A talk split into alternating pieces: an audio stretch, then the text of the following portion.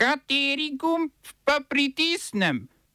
Tisti, na katerem piše OF. Trgovinski sporazum Evropske unije in Kenije. Pakistan s pogromom na tihotapce po potopu ladje s stotinami beguncem v Grškem morju.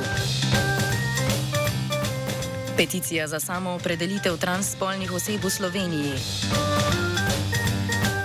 Bojan Šrot v naročje Slovenske demokratske stranke.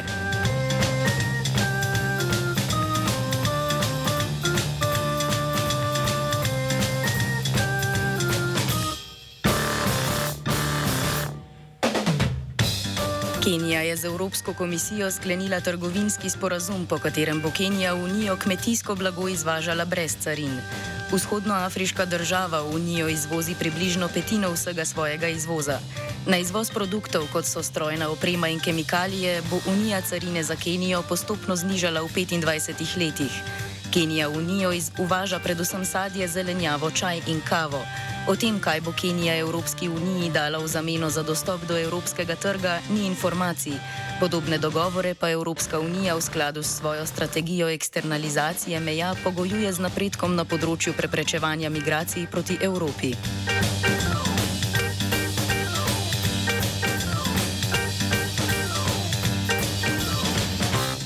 Pakistanske oblasti so aretirale deset posameznikov v povezavi z nesrečo ladje z migranti v Jonskem morju. Aretirani naj bi podlažno pretvezo vabili lokal lokalce na čovne in od njih zahtevali okoli 4000 evrov za prevoz v Italijo. Poleg tega je pakistanska vlada da za danes razglasila nacionalni dan žalovanja. Na potopljeni ladji je bilo do 800 ljudi iz Pakistana, Sirije, Egipta in Palestine. Potrjeno število umrlih na morju je 78, a več kot 500 ljudi še zmeraj niso našli. Več ur pred potopitvijo ladje so potniki za pomoč prosili Grčijo, Italijo in Malto. Helenska obalna straža se je odzvala več ur po klicu na pomoč in rešila 104 ljudi.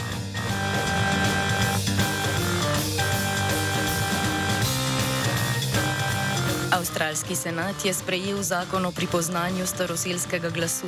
V skladu z zakonom, ki je bil predvolilna obljuba vladajočih laboristov, bodo avstralski državljani v roku šestih mesecev glasovali na referendumu o spremembi ustave. Na referendumu bo večina odločala o pravici manjšine do zastopniškega telesa. Predstavniško telo, ki bo v primeru uspeha referenduma vključeno v avstralsko ustavo, se bo v imenu aboriginov in prebivalstva Toresove ožine pogajalo s parlamentom in vlado.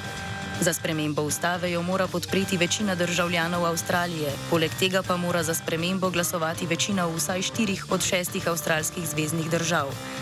Proti spremembi ustave sta se že zauzeli opozicijski nacionalna in liberalna stranka, čež da bi manjšine s spremembo ustave dobile več pravic od večine. Zaradi morilskega britanskega kolonializma in nadaljevanja sistemskega zatiranja po osamosvojitvi Avstralije, aborigini sestavljajo okrog 3 odstotke avstralskega prebivalstva. Četrtina vseh zapornikov v Avstraliji je aboriginov.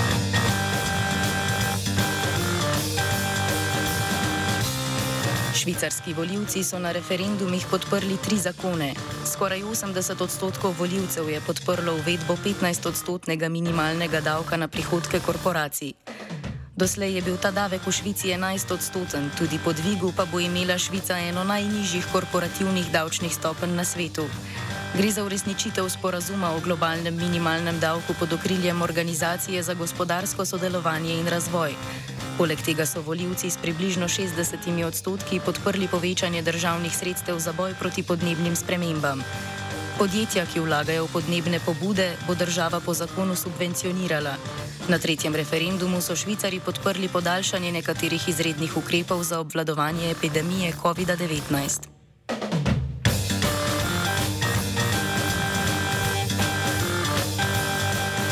Navedbah Združenih narodov je Rusija ponovno blokirala humanitarno pomoč za ljudi na območjih, ki so jih prizadele poplave zaradi porušenega jezu Kahovka.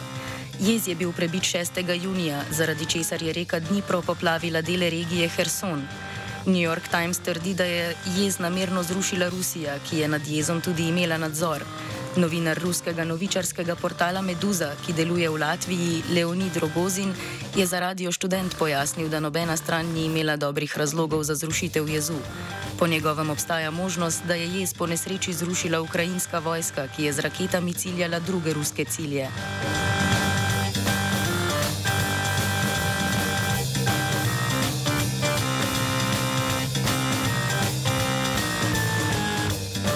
Katar in Združeni arabski emirati so po šestih letih znova odprli veleposlaništvi v znak ponovnih diplomatskih odnosov med državama. Emirati so skupaj s Saudovo Arabijo, Egiptom in Bahrajnom leta 2017 bojkotirali in blokirali Katar na podlagi očitkov o zbliževanju z Iranom.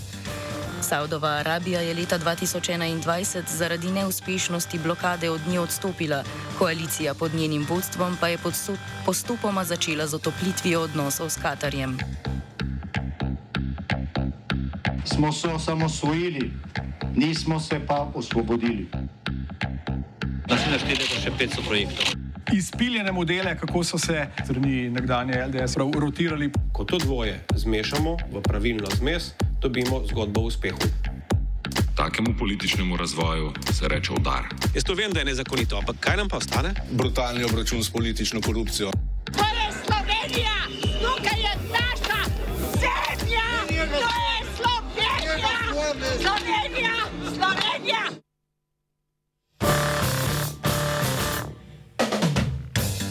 Nevladna organizacija Amnesty International Slovenija je organizirala peticijo, ki poziva notranjega ministra Boštra, Boštjana Poklukarja k spremembi 37. člena pravilnika o izvrševanju zakona o matičnem registru, kar bi transspolnim osebam omogočilo samo opredelitev. Sprememba pravilnika bi omogočila, da osebni dokumenti transspolnih oseb izražajo njihov spol brez potrebe po diagnozi duševne motnje. Zakaj se je organizacija odločila za peticijo, pojasni Lin Julian Koletnik iz Amnesty International Slovenija. Mi že vse čas na razne načine to naslavljamo. To gre od raznih sestankov, pozivov, poskusov razlag, um, medresorskih sestankov, uh, večministrskih sestankov, uh, povabil na strokovna srečanja, pač vse možno, pritisk oziroma pobude se izvajajo iz vseh ravni. In ena, ki pa je še nismo preizkusili, je pa tudi peticija.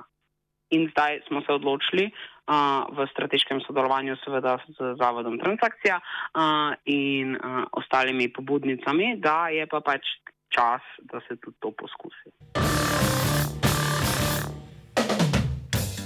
Kot v peticiji pravijo pri Amnesty, trenutna ureditev pravnega priznanja spola v Sloveniji krši 8. člen Evropske konvencije o človekovih pravicah, ki opredeljuje pravico do nedotakljivosti človekove duševne in telesne celovitosti, osebnega dostojanstva, varnosti, zdravja in zasebnosti. Koletnik nam pojasni, ali je na podlagi te konvencije možno sprožiti pravni postopek. Je možno, sicer to ne pomeni, da če to je možno, da smo mi kadarkoli to načrtovali. Ampak ja, so tudi trans osebe se že pritoževale prav na osnovi tega člena. Določene stvari so bile izborjene, recimo tudi v Franciji se je zakonodaja spremenila ravno zaradi tega člena, torej zakonodaja, ki ureja pravno priznanje spola. Um, ne pomeni pa to nujno, da bi pa a priori čisto vse vedno bila zmaga v, iz vidika trans pravic, kot jih jaz razumem. Zveza upokojencev Slovenije je za novo predsednico društva izbrala nekdanjo kriminalistično inšpektorico Zdenko Jan. Jan je za funkcijo predlagala Pokrajinska zveza društev upokojencev celja, na glasovanju pa je prejela 12 od 24 glasov delegatov. Na mestu predsednika društva bo Jan nadomestila Jane Zasušnika, ki mu je funkcija potekla po štirih zaporednih mandatih.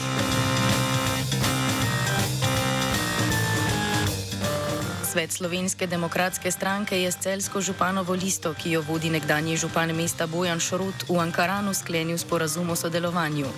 Sporazum predvideva sodelovanje na lokalni in državni ravni, poleg tega bosta stranki sodelovali tudi v pripravah na državno-zborske in evropske volitve.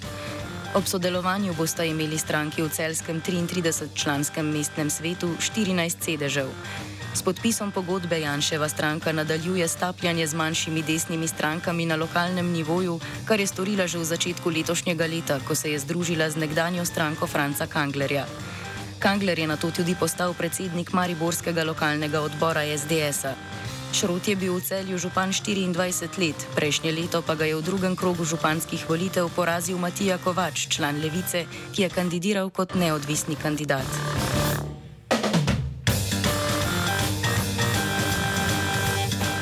Iz Slovenske demokratske stranke je po 30 letih izstopila ena njenih ustanovnih članic Romana Jordan. Stranki očita oddaljitev od socialnih norm k sklicevanju in na ideološkost. Janez Janša je izstop nekdanje evropske poslanke na Twitterju komentiral, citiramo, v stranki ni bilo nobenega konflikta, saj vidne članice v stranki niso več videli, odkar je bila na zadnje evropska poslanka.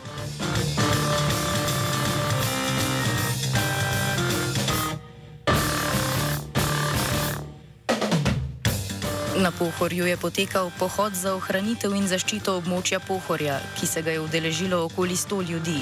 Pohod je organiziralo Planinsko društvo Slovenska Bistrica.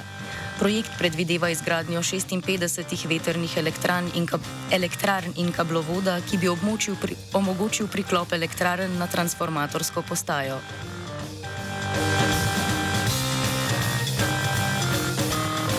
OF je pripravila Neva.